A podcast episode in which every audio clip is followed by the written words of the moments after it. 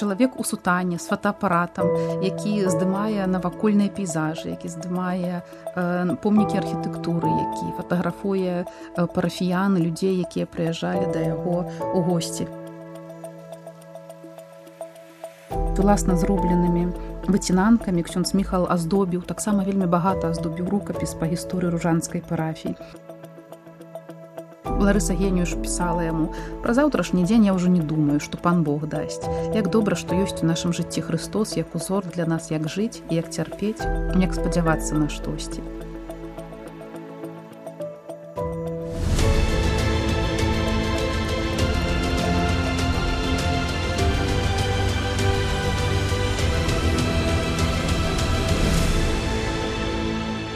старонкі гісторыі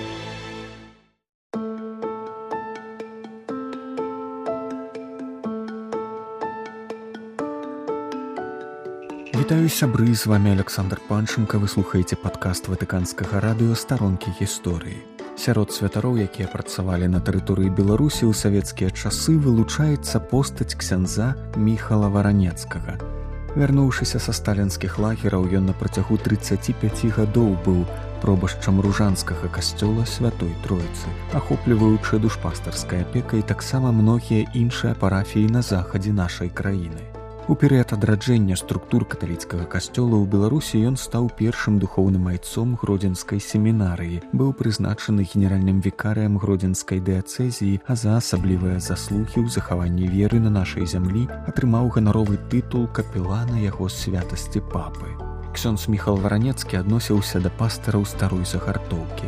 Ён быў негаваркі, задуменны, вёў сціплы амаль аскетычны лад жыцця, быў лагодным да людзей. Менавіта такім яго запомнілі вернікі і браты ў святарстве. Але менш вядомым з'яўляецца іншы бок жыцця ксенза варанецкага. Ён быў надзвычай творчым чалавекам, які пакінуў пасля сябе семітомную гістарычную хроніку ружанскай парафіі з сотнямі унікальных фотаздымкаў і выцінанак, намаляваныя ім абразы і каштоўную эпісталярную спадчыну, якая толькі цяпер становіцца вядомай даследчыкам. Пра гэты малавядомы бок асобы ксяндза міхала варанецкага распавядзе наша сённяшняя госця спадарня раіса зянюк кандыдат гістарычных навук даследчыцца дзейнасці каталіцкіх манаскіх ордэнаў і каталіцкага духавенства на тэрыторыі беларусі ў 19 двадцатым стагоддзях. Вітаю вас спадарня раіса. Добрый дзень чым можа захапіць нас сёння ксёндз міхал варанецкі ведаеце мне вельмі хацелася б каб у нашай памяці заставаліся не шараговыя постаці каталіцкага касцёла беларусі ў складаныя часы два стагоддзя. І вось на маю думку ксён сміхал варанецкі быў адным з такіх. Святар вязень лагераў. Але акрамя гэтага гэта мастак гісторык гэта краязнавец гэта як ужо згадалі першы духоўны отец гродзенскай семінары выкладчык там жа і капелан яго святасці папы Ксёндз Міхал Варанецкі нарадзіўся ў 1908 годзе ў новай вілейцы каля вільні. Ён вельмі рана адчуў пакліканне да святарскага служэння і паступіў у семінарыю кангрэгацыі місій, манаскай супольнасці членаў якой называюць яшчэ ксяндзамі місіянерамі або лазарыстамі. Што гэта за ордэн? Гэтая кангрэгацыя гістарычна ў нас на беларускіх землях у тым ліку на беларускіх землях яна займалася тым што яе члены працавалі ў семінарыях і рыхтавалі будучае пакаленне святароў. Такія семінары ў нас былі ў мінску і магілёве. і вось менавіта ў гэтую кангрэгацыю уступае міхал варанецкі спачатку навучыўся ў вільні пасля у вышэйшай духоўнай семінарыі ў кракаве а ў 1935 годзе ён э, атрымаў святарскія пасвячэнні. Можна сказаць што мара яго споўнілася ён стаў святаром. Пасля святарскіх пасвячэнняў некаторы час ён працаваў у варшаве у кракаве а перад другой сусветнай вайной апынуўся ў львове. Тады гэта была тэрыторыя польшчы паводле рыжскай дамовы і у Львове ён быў прызначаны капеланам у адзін з шпіталёў дзе прапрацаваў фактычна ўсю вайну ось калі вайна заканчвалася і у Львове усталявалася савецкая ўлада ксёнз міхал збіраўся выехаць на тэрыторыю польшчы. Але акурат у гэты час памёр святар у вёсцы лыскава недалёка ад ваўкавыска дзе працавалі місіянеры дзе быў іх кляштар. І вядома што як бы пры такім раскладзе была патрэба ў прызначэнні святара туды. Ксёнз міхал адправіўся працаваць у лыскава і вось такім чынам ён апынуўся у бСр пасляваенны перыяд быў пазначаны хваляй рэпрэсій супраць духавенства. Ксяндза міхала варанецкага яны не абмінулі. У 1949 годзе святар быў арыштаваны падчас аднаго з вопшукаў у яго дома былі знойдзены старыя даваенныя рэлігійныя часопісы у якіх былі артыкулы дзе гаварылася пра небяспеку камуністычнай ідэалогіі. Святар быў абвінавачаны ў антысавецкай дзейнасці і захоўванні антысавецкай літаратуры. У выніку ён атрымаў вельмі суровы вырак. 25 гадоў папраўча працоўных лагераў так усё правільна. Яго паводле рашэння суда накіравалі ў лагеры джасказган руднік у казахстане. Там зняволеныя займаліся здабычай медзі. Ці вядома штосьці пра яго лагернае жыццё?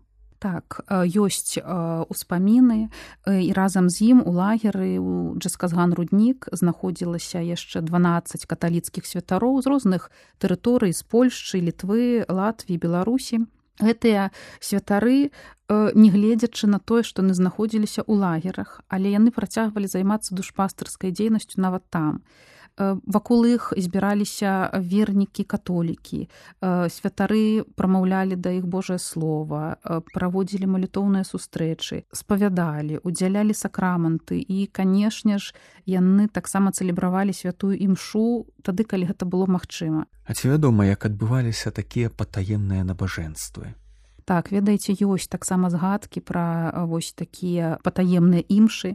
Ёсць успамін пра святую імшу которую ксёнз міхал варанецкі адправіў на Божае нараджэнне ў 1949 годзе. Алтаром яму служыла тумбачка паміж нарамі імшалам сшытак з напісаным ад рукі парадкам літургіі.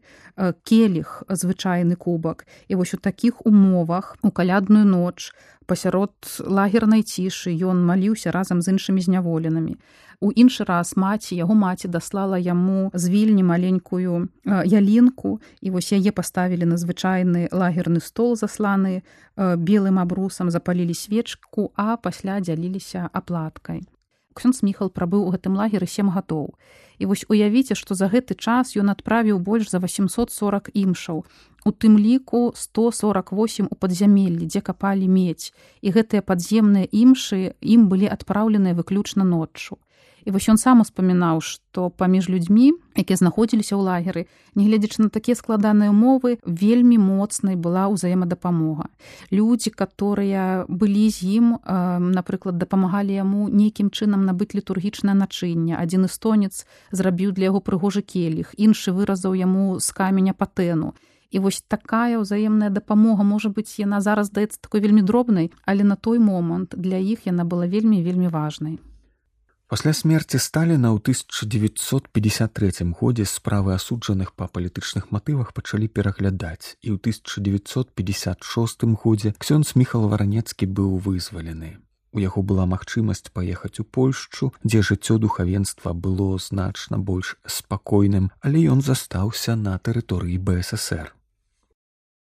Так, пасля таго, як яго справа была перагледжана, ён вярнуўся ў БСР у сваю былую парафію улыскаў але на той момант гэта мясцовасць по вялікім рахунку стало ўжо такім неперспектыўным месцам для працы. Там практычна не засталося католікаў якія масава выехалі вось у межах так званых хваль рэпатрыяцыі у польшу а касцёл у которым працаваў да гэтага ксёнз міхал быў вельмі пашкоджаны і таму ксёнз вацлаў пянткоўскі тады ён быў генеральным вікарыем пінскай дыяцэзіі даручыў ксяндзу міхалу варанецкаму у адміністрацыю ружанскую парафію. І э, таксама гэта можам назваць сёння гэта цудам ксяндзу міхалу варанецкаму удалося атрымаць і дзяржаўную рэгістрацыю для працы ў ружанах 25 верасня 1956 года. І вось з таго часу амаль 35 год ксёнз міхал аддаў ружанам Зрэшты, падчас яго працы ў ружанах яго душпастырскай апекай былі ахопленыя не толькі ружанская парафія, а і 12 навакольных парафій у радыюсе да 65 кіламетраў.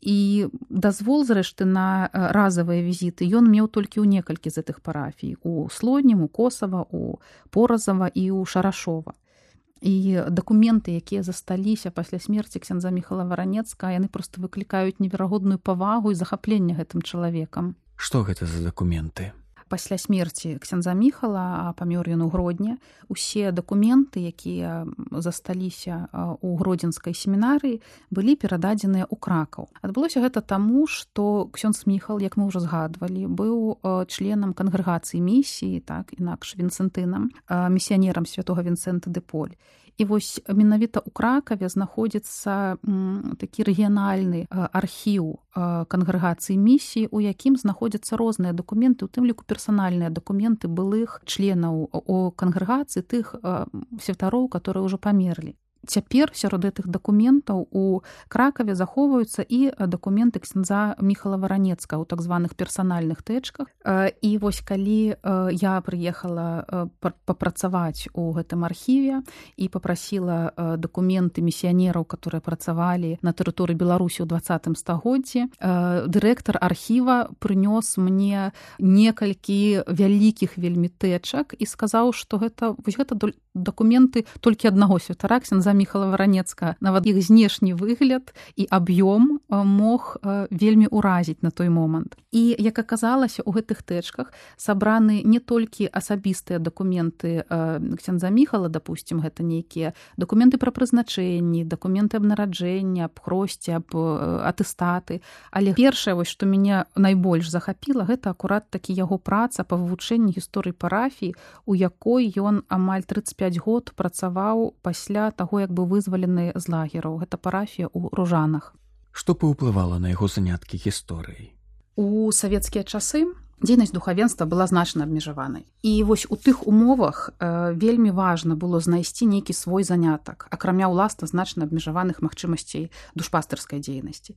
І адным з такіх заняткаў у ксяндза варанецкага была гісторыя прафесійным гісторыкам ён не быў ён меў толькі тэалагічную адукацыю аднак вельмі цікавіўся гісторыяй свайго роду генеалогіі ствараў сваё генеалагічнае дрэва наколькі яму дазвалялі тыя дакументы да якіх ён меў доступ. Паралельна ён займаўся гісторыяй той мясцовасці у якой працаваў. І вось вынікам стала стварэнне ім рукапісу працы парафія і касцёл святой тройцы ў ружанах гістарычныя хронікавыя звесткі сабраў і аб'яднаў ксён сміхал варанецкі адміністратор парафіі так яна называецца праца па зборы матэрыялу вялася ксензу міхалам на працягу ўсяго часу калі ён працаваў у ружанах. Сам рукапіс быў аформлены ў 1981 90 годах это цэлых сем тамоў фармату а4 рукапіс першыя часткі ахопліваюць перыяд да 1950-х гадоў. Гэта гістарычнае даследаванне якое абапіраецца на э, гістарыяграфіі крыніцах якія былі даступны ксянзу міхалу. А вось апошнія маюць характар хронікі касцёла. І ўсе часткі вельмі багата аздобленыя фотаздымкамі выцінанкамі малюнкамі ксенза варанецка. І вось акурат сёння як мне здаецца як гісторыку акурат другая частка даследавання хроніка парафію савецкія часы гэта мае найбольшае хіба што найбольш важна важное значэнне паколькі яна напісана відавочцам і непасрэдным удзельнікам падзей акрамя гістарычна ён пакінуў пасля сябе таксама багатую мастацкую і фатаграфічную спадчыну а так і а, тут рызыкну сказаць што мастацтва было яго большай чым гісторыя пасей адразу пасля святарскіх пасвячэнняў Ксён сміхал захапіўся фатаграфіяй. І ва ўжо згаданым архіве ксяндзоў місіянераў у кракаве захоўваецца фотоальбом ксяндза міхала які называецца лыска ў домы касцёл кангрэгацыі ксяндзоў місіянераў часоў першага суперыёра пасля вяртання віленскай курыі для кангрэгацыі місіі ў 1935 годзе. І вось дзякуючы гэтаму альбому мы маем цудоўную магчымасць убачыць штодзённасць лыскаўскага кляштара місіянераў у другой палове тридцатых гадоў два стагоддзя а таксама краявіды пружаншчыны. Вельмі шкада мне што аўдыофармат нашай перадачы не дазваляе э, паказаць э, вось гэтыя прадэманстраваць гэтыя фотаздымкі. Аднак гартаючы старонкі фотоальбома мы можам убачыць на іх не толькі архітэктуру касцёла і кляштара у лыскаве не толькі навакольныя помнікі архітэктуры не толькі э, твары святароў якія там працавалі парафіян першакамунійных дзяцей але і кляштарную штодзённасць якая звычайна заставалася па за увагай э, фотоаб'ектываў фотоапаратаў это гаспадарка. Куры гусі сажалкі агароды кляштарныя улюбенцы духавенства. Допустим фотаздымкі сабакі беллы яшчанюкоў но гэта вельмі вельмі міла вельмі натхняе таксама вось на вывучэнне гэтых дакументаў фотаздымкамі уласнага аўтарства ксён сміхал аздобіў і вось гэты рукапіс працы па гісторыі ружанскай парафіі І тут э, таксама найбольшую цікавасць прадстаўляюць фотаздымкі помнікаў архітэктуры, напрыклад, капліцы святого казіміра на могілках у ружанах, фотафіксацыя рэстаўрацыйных прац у касцёле, якія ініцыяваў ксён сміхал, рэалізавалі прафесійныя рэстаўратары. а таксама фотафіксацыя штодзённага жыцця парафіі ў савецкія часы. І вось гэтыя фотаздымкі, акрамя таго, што даюць нам магчымасць уявіць, як выглядала жыццё парафіі ў пасляваенныя часы, даюць нам яшчэ вельмі цікавую магчымасць уявіць і постаць самого ксенза варанецка. То бок это чалавек святар чалавек у сутане з фотоапаратам які здымае навакольныя пейзажы які здымае э, помнікі архітэктуры які фатаграфуе э, парафіяны людзей якія прыязджалі да яго у госці.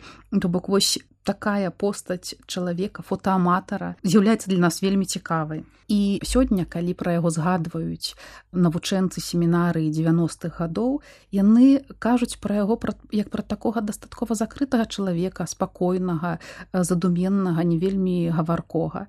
Але вось яго фотаздымкі яго працы дазваляюць нам уявіць сабе такую постаць якая захопленая мастацтвам які як бы стараецца перадаць прыгажосць праз вось гэтыя праз фотаздымкі праз іншыя творы мастацтва і заўважаць гэтую прыгажосць. Але вядома што фатаграфія была не адзіным захапленнем ксяндза варанецкага ён быў таксама майстрам выцінанкі у той час практычна забытага віду мастацтва так сапраўды э, фотаздымкі пра якія згадывала гэта адзін скажем так з накірункаў яго мастацкіх зацікаўленасцей. А другім накірункам мастацтва якім ксён сміхал вельмі захапляўся былі выцінанкі і ўласна малюнак. І вось уласна зробленымі выцінанкамі ксён сміхал аздобіў таксама вельмі багата аздобіў рукапіс па гісторыі ружанскай парафіі.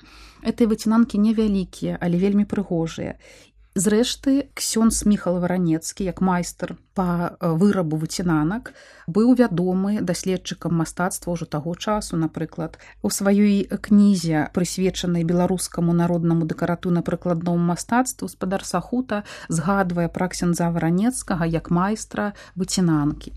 Ну і вось накірунак э, яшчэ адзін, якім мастацтва, якім ксён зміхал захапляўся, гэта быў жывапіс малюнак таксама ўсё гэтым рукапісе працы па гісторыі парафіі ксён зміхал змясціў уласныя эскізы і малюнкі. Это выявы ружанскага касцёла. Ёсць звесткі пра тое што для касцёла ў ружанах ксён зміхал намаляваў абраз святой тэрэзы з лізье.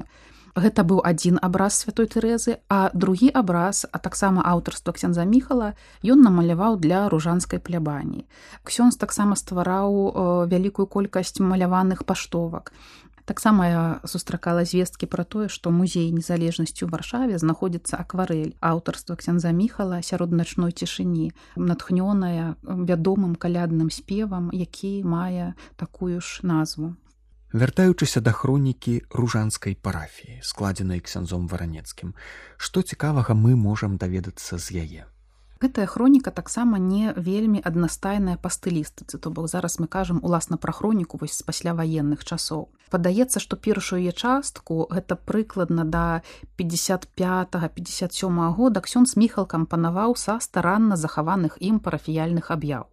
Напісаныя яны не тэзісна а абсалютна жывой мовай. Ну бок так як ён іх прамаўляў вось замбоны на заканчэнне імшы. Цікава э, назіраць за штодзённасцю парафіі якая дараджалася вось акурат у той час праз э, словы гэтай хронікі. Это была э, у ксенза міхала звычайная праца з вернікамі ў незвычайных а дакладней таких неспрыяльных вельмі умовах.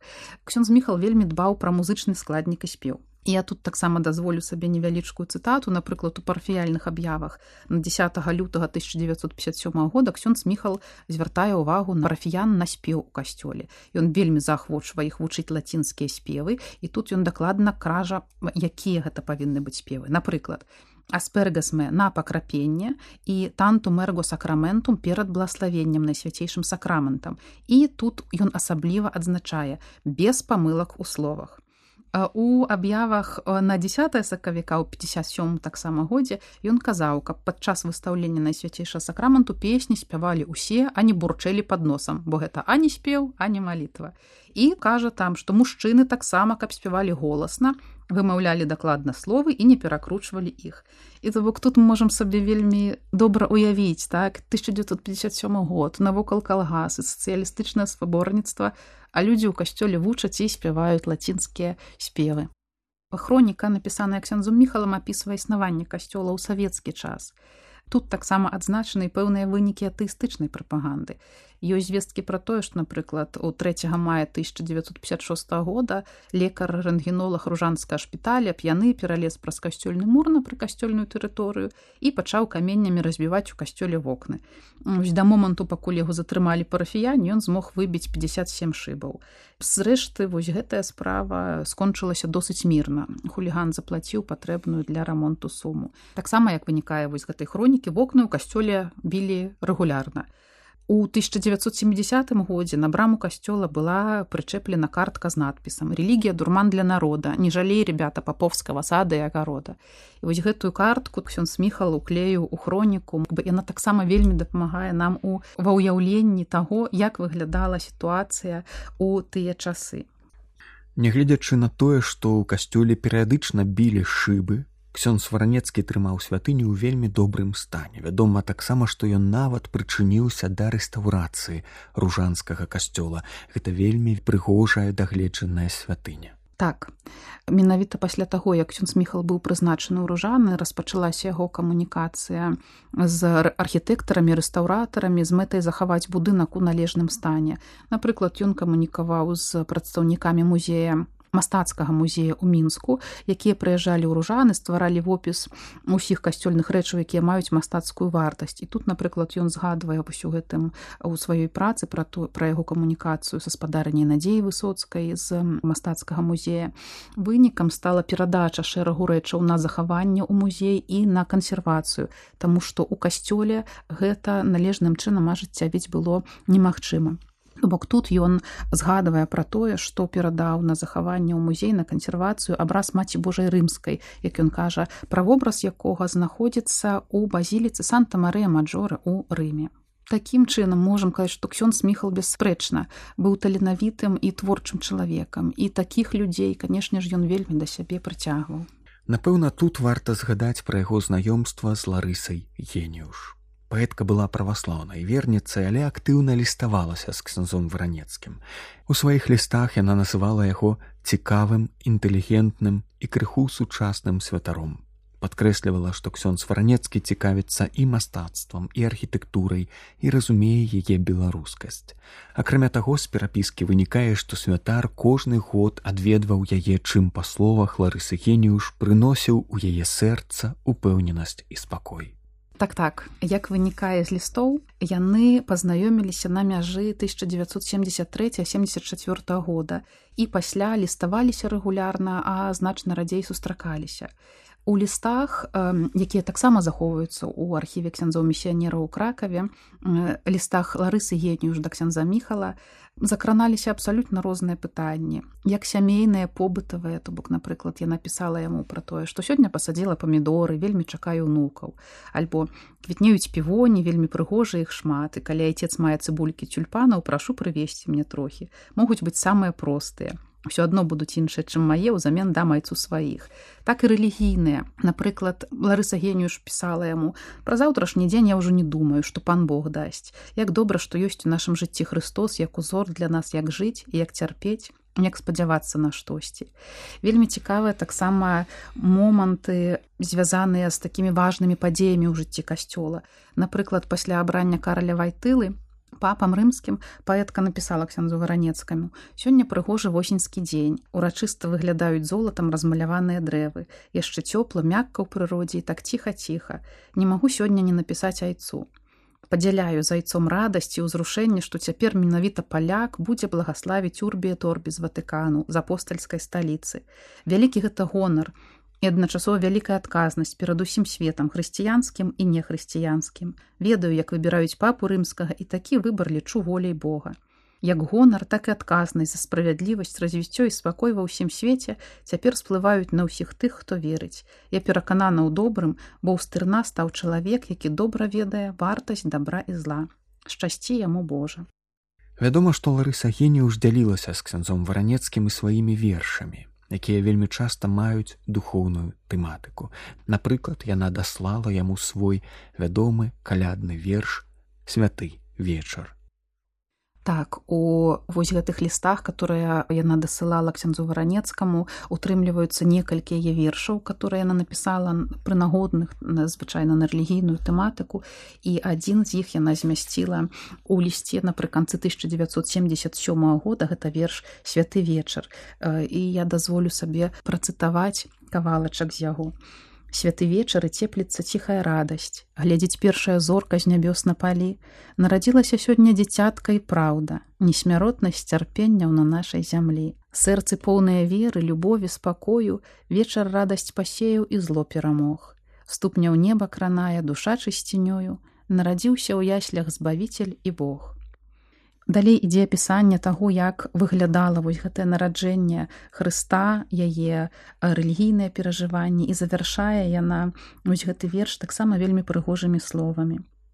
Святы вечар ужо людзі за стол пасядалі, у сэрцах вера ў Хрыста, цішыня перамог, будзе мір і любоў, будзе вера і слава, нарадзіўся ў яслях збавіцель і Бог.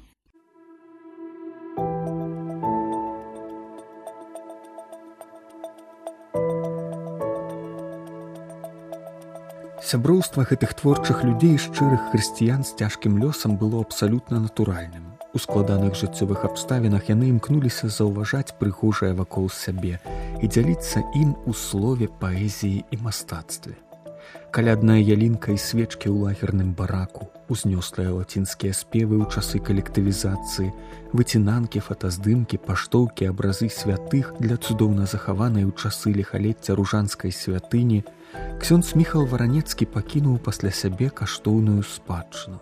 Але, напэўна, галоўнае месца ў ёй займае вера, якая была захавана дзякуючы людзям, якіх гэты святар пазнаёміў з найвышэйшай Божай прыгажосцю. Ксёнз міхал варанецкі адышоў вечнасць 25 гадоў таму 10 чэрвеня 1998 года ён быў пахаваны на старажытных па-бернардынскіх могілках у гродні Няхай лістапад месяц калі мы ўспамінаем памерлых стане нагодай для таго каб у малітве падзякаваць ксяндзу варанецкаму за яго жыццё і каштоўнае служэнне на нашай зямлі